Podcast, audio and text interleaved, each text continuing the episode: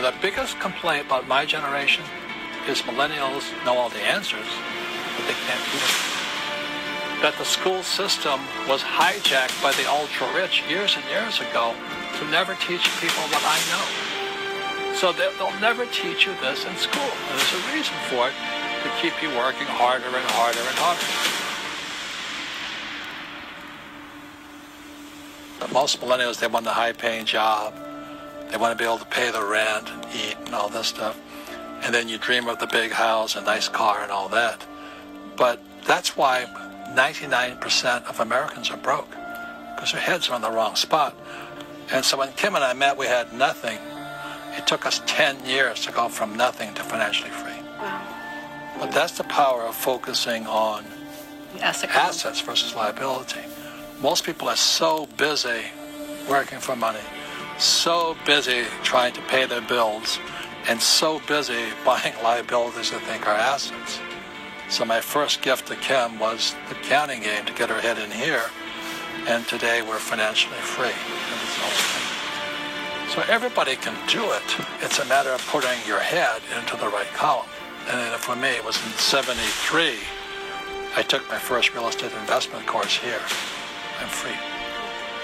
And then there's government money, which is fiat currency, which is the dollar, the yen, the peso, the euro, the yuan. Yeah. Fake. And everybody's working hard for it. It's like eating fake food. That's why people are getting sick financially, because they're working for fake money. And um, then there's fake assets, which is another part of the fake millennial, the fake generation series. If you look at what happened with the fake central bank, see the purpose of the central bank or the Fed or all, you know, the, the Japanese bank, the Bank of Japan, the European Central Bank, they pump out fake money. The purpose of central banks like the Fed is to protect the banks, not you. They're a criminal operation as far as I'm concerned. Mm-hmm. In school, they compensate for risk by telling you to memorize the right answer. So in other words, these kids leave, young people like you leave school thinking, oh, if I know the right answers, then there's no risk. And it drives old guys like me crazy. Because everybody's talking about millennials. What's wrong with them? You know, millennials are the most highly, in many ways, the most highly educated generation in history. They have the cell phone. They didn't get educated in school. They got educated on social media.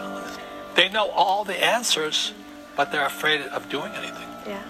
You know, the biggest complaint about my generation is millennials know all the answers, but they can't do anything.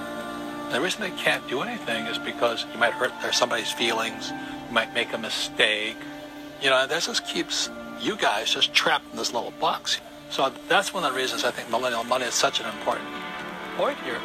Because if you're going to come into my world, old guy's world, or the information age, you've really got to understand what is risky and what is not risky.